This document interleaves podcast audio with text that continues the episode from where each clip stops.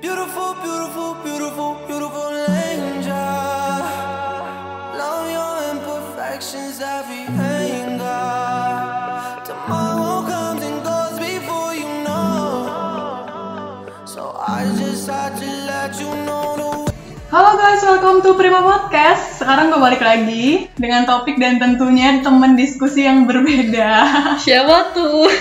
Suaranya udah kedengeran tuh ya guys. Eh, sekarang gue bareng temen satu jurusan gue di Diploma 4 Pengelolaan Konvensi dan Acara. ya, Betul? Dia udah semester 3 ya. ya udah semester 3 nih. Dan sesuai dengan judul yang udah ditulis di podcast kita sekarang. Kenalin dulu oh dong. iya, kenalin dulu ya. Belum Lupa. Ya, jadi temen diskusi gue hari ini yaitu Alivia Yulistiana Rahayu. Benar nama lu? Iya bener dong. Halo guys semuanya, gue Alivia. Halo, Alivia apa kabar? Baik. Eh nanyain kabar tuh kapan emang terakhir kita ketemu? Kita terakhir ketemu kemarin kayaknya. Kita masih ngurusin banyak program nih. Di BEM, di MICE ya. Iya banyak banget. Iya nih, iya. Aduh. gimana gimana nih? Topiknya apa nih hari ini? Topiknya pasti ini udah sering dibahas sih sebenarnya. Cuma kita bakal ngulik lagi di podcast ini dan sebenarnya ngobrol-ngobrol santai aja sih ya. Jadi Iya, oke, teman-teman yang dengerin podcast ini kalau eh, ada salah-salah kata gitu mohon dimaafkan. ya, jadi judulnya adalah standar masyarakat yang kadang mustahil untuk dihidupi. Waduh berat. Bahasanya. Nah, eh, dari kata itu ya, Pi, kira-kira apa sih yang pertama kali ada di pikiran lo ketika dengar frasa itu gitu? Eh, standar masyarakat ya. Iya. Em, gimana ya standar masyarakat tuh lebih ke aturan tak terlihat yang ada di masyarakat sih Iya. atau sebuah circle ya jadi kayak contohnya hmm, perempuan itu harus tinggi harus cantik nggak berjerawat gitu. Iya, kalau cantik tuh harus putih biasanya. iya biasanya gitu Bener sih, kadang tuntutan yang paling sesuai menurut mereka itu adalah hal-hal yang ini loh, nggak masuk akal gitu. iya nggak penting juga nggak sih Iya, bener. Jadi kayaknya kita nggak perlu deh melakukan hal dengan alasan konyol gitu kayak ya udah deh nggak apa-apa, gue melakukan ini biar gue dihormati. Mm-mm. Iya nggak sih? biasanya orang-orang yang nun, eh, yang ikutin standar masyarakat gitu cuma mau penerimaan sih dari masyarakat itu. Bener. Buat eh, penerimaan. Iya jadi supaya gue punya temen ya gue harus kayak gini nah, gitu. gitu. Dan menurut gue yang perlu diubah dari sini tuh adalah mindset. gitu. Jadi Mm. ya udah lu uh, olahraga biar lu sehat gitu, bukan biar lu kurus. Iya nggak sih? Iya betul. Terus uh, lagian apa gitu yang salah dari lu kur dari lu kurus atau nggak kurus gitu? Yang Iya. penting kan tubuh lu masih bisa dipakai buat aktivitas gitu. Iya. Tubuh lu masih uh, berguna gitu ya kan Hmm. buat hidup lu dan yang penting nggak ngerugiin mereka sih sebenarnya. Iya tapi eh, ngomong-ngomong tentang ngomongin yang tadi kata lu kurus atau nggak kurus itu eh, gue pernah denger teman gue ngomong ke teman gue cowok Hmm. pernah ngomong ke teman gue cewek dia ngomong kayak gini lu tuh lo kok gemuk sih lo kurusin kayak gitu jadi mak- eh, setelah itu dia olahraga dia coba buat ngurusin diri nah itu dia coba buat menerima diteri- coba Diterima gitu ya? diterima oleh masyarakat sama teman-temannya jadi dia melakukan hal itu Iya, sebenarnya uh, standar masyarakat yang mustahil buat kita hidupin tuh kadang bikin kita menekan diri kita gitu tuh. Jadi Iya. kita pokoknya harus kerja keras nih supaya kita bisa ngasih bukti ke mereka kalau kita layak loh buat dihormati gitu. Kalau kita pantas loh diterima sama mereka. Iya nggak sih? Iya, ya walaupun kita harus eh, kita melak kita melakukan menjadi standar masyarakat yang mereka mau, kita udah jadi apa yang mereka mau, itu juga pasti ada aja kan hal yang bikin mereka nggak suka sama kita. Benar. Kayak gimana ya, mengingat cara pandang tiap kita yang beda-beda gitu ya, yang lo bilang Mhm. tadi tuh ya nggak menutup uh, kemungkinan untuk dialami seseorang sih. Iya, Ya, karena yang baik menurut kita itu belum tentu baik juga buat orang, lain. Iya, ya lu tau lah, we, uh, we live in judgmental society, right? iya, Ya kan, you will be judged on what you wear, which music you listen to, what you look Mhm. like, and sometimes gitu, you will be made fun of being who you are. oh iya ya, Ya kan? Dan uh, menurut gue ya, kalau kalian nggak mau hal-hal itu terjadi uh, dan bikin kalian sedih gitu, uh, kalian tuh harus ini loh, harus berhenti lah, istilahnya berhenti jadi budak Mm-mm. pandangan orang lain yang nggak bisa kalian kendaliin. iya. Eh, ada gue pernah dengar standar masyarakat yang di mana eh, apalagi zaman sekarang ya Iya. anak-anak tuh eh, anak-anak kuliah anak-anak SMA kalau nggak nongkrong itu nggak keren Iya, kalau nggak kalau mukanya jerawatan itu nggak keren nggak cantik. iya nggak ya. cantik kalau nggak pulang malam nggak keren Ini kayaknya jadi sesuatu yang luar biasa tuh bagian dari budaya yang kita anut-anut sekarang ya. iya iya Kayak eh, standar kayak gitu mungkin juga yang bikin kita tuh ngerasa jadi pecundang loh kalau kita nggak Mm-mm. eh, memenuhi itu semua. Dan menurut gua itu adalah sesuatu yang bahaya sih. Itu kan nggak masuk akal ya kayak nggak sesuai sama diri kita gitu Iya. sebenarnya kita cuma butuh penerimaan diri jadi Betul, betul. eh, kita cuma butuh jadi diri kita sendiri gue neri gue nih nerima kalau gue nih kayak gini orangnya dan ya udah gitu aja gitu Ya setuju sih. Kadang kadang kalau misal eh, kalau ada emang mereka nggak mau temenan sama kita cuma karena kita jerawatan atau kita nggak putih kita nggak cantik gitu ya ya udah gitu harusnya setuju sih seperti yang tadi gue bilang gitu kalau tekanan dari standar masyarakat yang yang nggak masuk akal tuh kadang bikin kita keras sama diri sendiri gitu karena ya tekanan itu nyiptain keinginan dalam diri kita yang pengen nampilin bukti kalau kita Hmm. layak buat dihormati termasuk gue Iya. kadang suka mikir gitu kenapa kok penerimaan eksistensi diri yang sederhana yang biasa Hmm. aja gitu yang eh, sejatinya bikin gue bebas dari segala sesuatu yang bikin tertekan tuh malah jadi sesuatu yang susah buat gue dapetin gitu kadang Iya, iya. batang hidungnya itu nggak kelihatan tapi sedikit sedikit gue mulai belajar sih kalau ya udahlah don't expect anything to anyone Oh ya, gue juga pernah denger nih kalimat ini. Jangan pernah percaya sama manusia, bahkan diri lo sendiri. kenapa tuh Eh, bahkan mata sama otak lo aja bisa nipu diri lo sendiri gitu tuh. oh ya Iya beneran, gue pernah dengar kalimat itu. Terus juga balik lagi ke gue ngomong tadi, kalau kita bisa menerima diri sendiri, ya itu bisa jadi suatu apresiasi sendiri nggak sih buat diri kita? benar kayak self reward Iya self reward gitu. Kalau misalkan kita nggak karena nurutin standar masyarakat gitu, kita jadi nggak bisa menerima diri kita sendiri, Bener. malah jadi pikiran. Nah, kayak gini loh, kayak hidup kita tuh dicengkram sama Iya. standar-standar itu gitu. Iya, kita nggak bisa gerak bebas. Karena setiap mau melakukan sesuatu, ah gue takut deh ini bikin gue gak diterima sama masyarakat. Nah iya itu kepikiran, depresi, malah larinya ke mental illness nantinya. Makanya banyak remaja zaman sekarang yang punya penyakit mental. Bener sih. Terus gue juga pernah nih, eh, ke- eh, jadi ceritanya eh, mama gue itu punya temen, dia datang ke rumah, dia sekitar umur 25-an, 25-an gitu. Iya. Ya waktu-waktunya untuk nikah lah, untuk laki-laki umur segitu. Eh, dia nanya ke gue, eh, I mean like, he's flirting with me, gitu. Kayak kayak godain gue gitu tau gue, kayak aneh gitu kan. Iya. dia ngomong eh ya ngobrol-ngobrol biasa terus ujungnya dia nanya "Eh, kerja di mana. Lu, nah, iya nanya ke gue. Terus gue jawab "Eh, enggak kok kuliah. Terus dia kayak kaget gitu ngeliat gue eh, ngedenger gue kuliah. Dia nanya "Eh, emang kamu umurnya berapa terus gue jawab gue waktu itu gue masih 18 tahun Iya.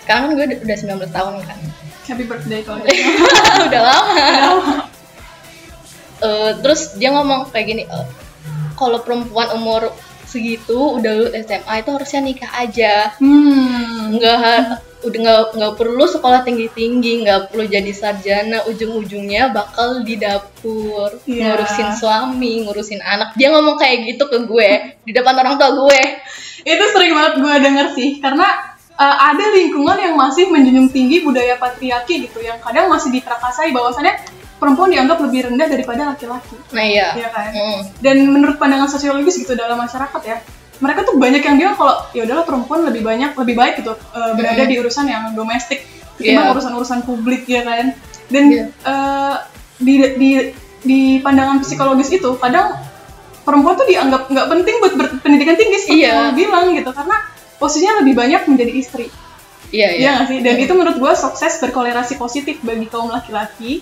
tapi kerap kali membawa uh, konsekuensi negatif bagi perempuan dan itu Nah. nggak adil sih. Iya, Ya nggak kan? adil. Eh, kadang eh, ada perempuan yang menerima gitu kata kalimat itu dan akhirnya mau nikah Iya. sama laki-laki. Me- apa ya? Dia meninggalkan dunia pendidikan tingginya, dunia pekerjaannya demi suami gitu. Mhm. Balik lagi ke dapur. Iya. Apa yang eh, seperti stigma masyarakat kebanyakan Iya, iya. kan tapi ujung-ujungnya kebutuhan rumah tangga itu Nah, tetap kurang iya. gitu dan akhirnya istri juga harus ikut kerja Nah, itu dia loh. Kayak kadang eh, orang tua juga ya, orang tua dari pihak perempuannya gitu lebih baik. Yaudah loh, anak gue yang perempuan nih, gue nikahin aja sama eh, orang iya, lain iya. gitu, biar beban keluarga mereka terkurang berkurang sedikit Iya, gitu. iya. karena anak Biasanya- perempuannya udah nikah ya. ya kan? biasanya orang tua kayak gitu loh Heeh. banyak teman-teman gue yang dinikahin sama pacarnya cuma karena nggak mau dibebankan Iya, nggak- udah mau ngelepas beban ekonomi gitu ya. Iya, kan? iya, Dan iya. malah yang di sekolahin tinggi itu ya anak laki-lakinya. Kadang gitu. Padahal setelah mereka nikah juga kan belum tentu ekonomi mereka baik-baik aja iya gitu kan kan. iya betul-betul gitu sih padahal kalau perempuan eh, berpendidikan tinggi bisa lumayan loh maksudnya iya lumayan membantu mengembangkan ekonomi juga ya Iya, kan betul, kayak betul. kerjanya bisa lebih enak Eh, meskipun ya sebenarnya balik lagi sih kayak we have our own way sebenarnya orang-orang Hmm. yang nggak berpendidikan tinggi juga ada yang sukses. Asalkan ya itu loh usahanya. Iya usaha. Tapi kan banyak kan orang-orang zaman sekarang kayak orang-orang dewasa zaman sekarang yang istrinya juga ikut kerja. Ya susah lah Susah. cari, cari cowok kayak gitu. Iya. Nah eh, bicara soal tadi kesetaraan gender mungkinnya masuknya Pi iya. perempuan dan laki-laki. Sebenarnya perempuan yang berketerampilan dan berwawasan luas yang tadi gue bilang tuh yang nggak eh, hanya mampu memimpin dirinya dalam keluarga gitu entah sebagai anak ya kan Mm, atau sebagai menantu istri ibu saudara ipar tetangga atau warga negara gitu tapi dia juga mampu berpartisipasi dalam mengembangkan perekonomian minimal dalam lingkup rumah tangganya gitu iya ya iya sih? betul betul dan menciptakan bisnis rumahan sendiri. Kalau misalnya mereka terus mengasah eh, kemampuan mereka gitu, maka eh, mereka juga akan mampu menciptakan lowongan kerja dalam lingkup masyarakat yang luas. Sebenarnya Iya, kalau iya, misalnya iya. perempuan eh, punya pendidikan yang yang tinggi bagus gitu. Iya. Sebenarnya topik yang itu bisa eh, kita lanjutin ke masalah ekonomi sih, cuma Mm. kayaknya nanti dulu deh kita Jangan- bahas jangan dulu ya. Iya, dan kalau boleh tanya nih ya, lo pernah nggak sih ada dalam situasi di mana lo merasa bahwa masyarakat tuh nggak nerima lo gitu, karena lo jauh dari standar mereka? Hmm, pernah waktu gue SMA gue ngalamin hal itu. I mean like for three years Iya. selama tiga tahun berturut-turut gue kan emang kelasnya nggak diacak ya. Jadi tiga tahun itu kelasnya bareng. Temen-temen lu itu semua gitu Iya ya? temennya itu semua. Dan sejak kelas 1 SMA tuh gue emang udah nggak diterima gitu. Sama temen-temen lu? Iya, jadi eh, di kelas gue itu circle-nya circle anak-anak yang berhijab Mm-mm. yang agamis like bener-bener agamis gitu tuh. Sedangkan gue orangnya eh, cewek yang gak mau diem ketaktilan terus Iya. kalau misalkan keluar gue nggak pakai kerudung gue kerudung cuma ke sekolah doang kan setelah mereka tahu gue kayak gitu Hmm. mereka tuh kayak ngejoin gue tuh Gak mau temenan sama lu? gak mau temenan sama gue mereka ngobrol eh, gue ajak ngobrol mereka aja jawabnya seperlunya jadi gue ngerasa kayak bener-bener gak diterima Mhm. akhirnya gue cari circle lain dong di luar kelas gue Iya. gue nyari teman-teman lain tapi ya tetap aja gitu tuh walaupun gue ikut ekskul ya mereka udah punya circle mereka sendiri jadi susah Iya. Jadi lu sendirian tuh selama itu? Eh, gue ngerasanya sih sendirian cuma eh, kayak temen deket gitu nggak ada cuma kalau temen ngobrol kayak sepatah dua kata saling nyapa gitu Ada. ada Ya padahal apa yang lu lakuin gitu ya Iya. buat lu sendiri dan Iya. ngereguin mereka ya? iya kan nggak ngerugiin mereka kan gue cuma jadi diri gue sendiri tapi mereka nggak bisa menerima gitu tuh Iya sih, emang paling bener kalau kita nih nggak perlu nilai diri kita dari Iya. orang lain, dia nggak sih? Karena tanpa sadar nilai-nilai itu yang menuntut kita pada sesuatu yang sejatinya sulit gitu untuk kita atasi. Mm-mm. Karena ya mau gimana gitu ya kan lu kepribadian lu begitu, karena pandangan orang lain lu mau nggak mau harus ngubah kan susah Iya, ya susah. kan untuk diatasi gitu. lo pernah nggak ngalamin ada di suatu situasi kayak gitu Eh, pernah sih sama waktu SMA juga waktu itu gua karena gua kayak gini ya karena gua kurang Hmm. cantik mungkin oh iya iya, dan iya. waktu itu pernah juga sempat viral video eh, video yang pokoknya perempuan dia eh, tergila-gila gitu sama someone yang juga public figure Iya, akhirnya iya. karena gua nggak cukup cantik dan kadang gua tuh disama-samain sama orang itu gitu kayak ih lu ini lu ini gitu jadi oh dibilang mirip gitu ah dibilang mirip gitu dan sebenarnya gue nggak masalah sih dibilang mirip gue Hmm. juga nggak peduli gitu tapi Iya. parahnya mereka itu sampai kalau gue ke kantin tuh eh, mereka sampai nyanyi gitu nyanyi eh, yang dibawain sama si orang si itu orang itu ya gue sampai astaga apa sih kok sampai segitunya Iya, gitu iya. dan yang parah itu pernah gue waktu itu lagi beli mie ayamnya di kantin Mhm. sama temen gue kayak tiba-tiba dia nyamperin minta foto dong Hah? kayak gitu dan Sumpah itu sih demi apa? iya dan itu tuh eh, bukan minta foto dalam hal yang positif ya itu Iya. eh, salah satu eh, kalimat mereka yang buat emang ngejek gue Hmm. gitu karena gue nggak cukup cantik untuk diterima mereka Iya iya iya. Sebenarnya gue nggak peduli tapi lama kelamaan ya sama lah gue juga manusia yang Risih nggak sih? iya lama-lama? capek sampai eh, pernah gue itu dua tahunan kalau nggak salah dua tahun tiga hampir tiga tahun gue Selama selama nggak nggak tiga tahun sih kayak dua tahunan gitu deh. sama dua tahun gitu ya. iya Oh. terus pernah gue lagi eh, nunggu jemputan gitu tiba-tiba temen gue ngerekam gue kayak ayo nyanyi Hah, nyanyi." serius? serius gue digituin cuy Lu lagi berdiri gitu. lagi duduk gue Lagi- lagi, oh, lagi duduk, di duduk, terus- warung eh, deket SMA gue gitu tapi di luar gue Mm-mm. lagi nungguin jemputan Terus tiba-tiba dia buka IG buka snapgramnya terus ngarahin ke gue ya kayak gitu deh kayak ah sumpah sih. eh, mengucapkan kalimat-kalimat yang disebutin sama orang yang di videonya viral itu gitu yang Iya, videonya itu itu. ke bullying gak sih? Iya mungkin ya. Dan itu sampai gue mohon-mohon ke orang tua gue gue pengen pindah sekolah. Ah, serius. Iya, karena gue nggak tahan gitu digituin kayak Iya. setiap ini. Sampai pernah juga temen gue nge-tag gue eh, Instagram ke di videonya itu di videonya orang itu cuy. Sampai di tag gue terus kayak "Ah, ini udah capek. Untungnya gue punya orang-orang yang emang nggak mandang gue gitu gitu orang-orang yang udah deket sama gue jadi kalau gue di ejek gitu mereka yang apaan sih lu? gitu-gitu kayak iya, ngebela iya. gitu. Dan gue bersyukur sih punya teman-teman yang gitu jadi lumayan aman lah gitu. Aman. meskipun ya se- sebenarnya sakit hati juga ya digituin itu sih paling. Ini jadi curhat ya. Iya. jadi curhat nih. Tapi sebenarnya dari semua yang mungkin lu sama gue alamin di masa-masa sekolah gitu ya di masa-masa SMA yang emang anak-anak remaja gitu lagi zaman zamannya begitu Iya. dan emang paling penting sih penerimaan diri sih kata gue karena kalau kita udah nerima diri sendiri gitu mau di eh, gimanain aja ya ya udahlah emang gue eh, kayak gini tapi bukan pasrah ya maksudnya Iya bukan pasrah. penerimaan diri sama pasrah tuh beda gitu. gitu Tapi kalau kayak gitu juga harus ada support sistemnya gitu Betul. dari dari rumah gitu. Kalau gue, gue pernah eh, karena gue ngalamin hal itu banyak kejadian yang gue alami selama tiga tahun itu bukan cuma penerimaan diri, mereka juga eh, termasuknya bu- bully gue sih ya. Hmm. Gue cerita ke orang tua gue dan mereka pun kayak apa ya lebih lebih apa ya mereka tuh mikirnya kalau itu tuh cuma kenakalan biasa dan gue dianggapnya gue yang baper Nah, iya iya. jadi mereka itu nggak mendukung gue Aha. Eh, selama tiga tahun itu gue nggak tahu harus cerita ke siapa harus gimana lagi sampai akhirnya karena penolakan dari masyarakat itu penolakan dari teman-teman gue itu bikin gue jadi terus-terus kepikiran jadi Iya, iya. malah gila sendiri kadang gue marah gitu sama Tuhan. Mm-mm. Kenapa gue nggak diciptain cantik? kadang gue saking stresnya gitu, kadang kayak gitu loh.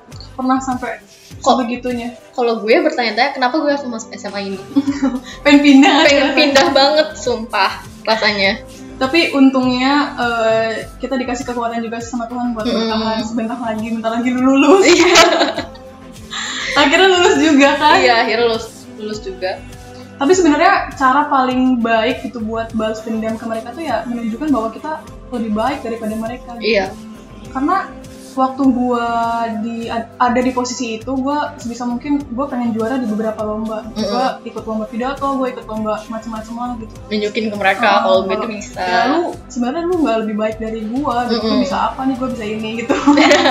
itu rada narsistik ya. iya iya tapi ya itu cara gue sih buat lepas daripada uh, posisi yang bikin gue ngerasa diri gue tuh nggak aman Mm-mm. Setuju sih gue. Sebenarnya kalau kita harus menukar sesuatu buat dihormati, diterima sama masyarakat itu termasuknya itu palsu nggak sih? Iya. Jadi kayak kita harus jadi orang lain dulu. kenikmatan palsu Iya. setuju sih gue karena kalau kita bisa pilih untuk bebas gitu atas hidup uh, kita sendiri kenapa harus ada dalam cengkam, cengkraman orang lain Mm-mm. agar uh, dihormati tapi kita nggak bisa pungkiri sih bahwa nasihat-nasihat dari orang lain juga diperlukan mengingat ya kita makhluk sosial yang nggak bisa hidup sendirian Iya, gitu. iya, tapi ya pintar-pintar kita aja lah gitu mana sih Mm-mm. uh, kata-kata yang harus memang kita terima biar kita jadi lebih baik gitu dan mana kata-kata yang harusnya nggak perlu kita dengerin Mm-mm. Dijauh- Zaman- jauh-jauhin lah Iya, jauh-jauh. yang gak membangun gitu Iya. tuh. kadang orang zaman sekarang eh, anak muda zaman sekarang ngomong tuh asal ngomong aja tahu kayak tujuan mereka ngasih nasihat tapi nasihat mereka tuh malah menjatuhkan Iya, gitu iya. tuh Mereka kayak menjatuhkan orang lain biar mereka bisa berdiri gak sih? Iya, Kayak iya. gitu gak sih? Ya pasti buat kalian semua nih pasti sulit sih untuk eh, memutuskan sesuatu dari standar masyarakat karena kita harus berani untuk berbeda gitu. iya Jadi ya udah deh kalian lakuin aja sesuatu yang ingin kalian lakuin selama nggak merugikan kehidupan gitu. iya betul Terima dan hormati segala bentuk perbedaan. Dan menurut gua ya kebohongan ya tetap kebohongan. Nggak ada nggak ada gitu kebohongan yang white Yang- white eh, apa sih kebohongan putih begitu gitu. iya nggak ada ada. Iya. Jadi padahal yang kedengarannya menyakitkan tuh malah yang lebih dekat dengan Mm-mm. kebenaran gitu. Kalau standar-standar itu membuat kamu tertekan gitu, maka jalan eh, jalan keluarnya adalah penerimaan untuk tumbuh dan temukan sesuatu yang bisa dikembangkan kata gua. Mm. Meski ya bakal ada banyak penolakan sih ketika kita eh, baru mulai gitu, ketika kita memulainya. Tapi akan jauh lebih baik eh, sesudahnya ketika Iya. kita udah mulai udah jalan gitu kan Iya, pasti bakal jauh lebih baik dari kehidupan yang sebelumnya kita dicengkram sama eh, standar-standar orang lain gitu iya. Dan kadang kegagalan tuh yang menggerakkan kita untuk lebih maju ke depan. Iya iya, betul betul. Ya kan? Dan terakhir nih ya Pi sebelum gua tutup podcastnya karena kita udah berdiskusi panjang lebar ke sana ke sini. Ada nggak yang mau lo sampaikan buat para pendengar podcast ini? Pesan-pesannya gitu. Om, pesan ya. Iya. Eh, kalau dari gue sih jangan biarin diri kita ngejar kesenangan yang sebenarnya cuma ada untuk rasa sakit Hmm.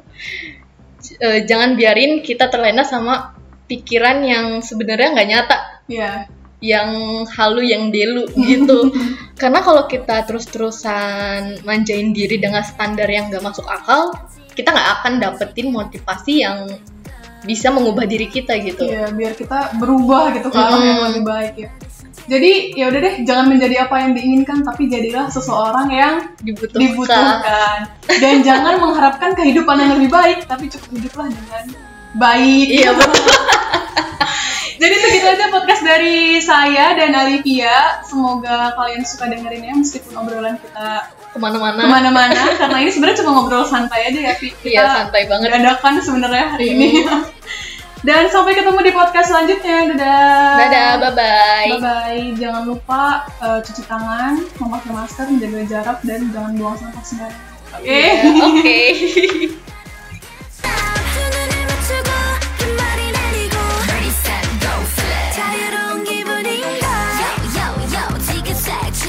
Yo, yo, yo, yo.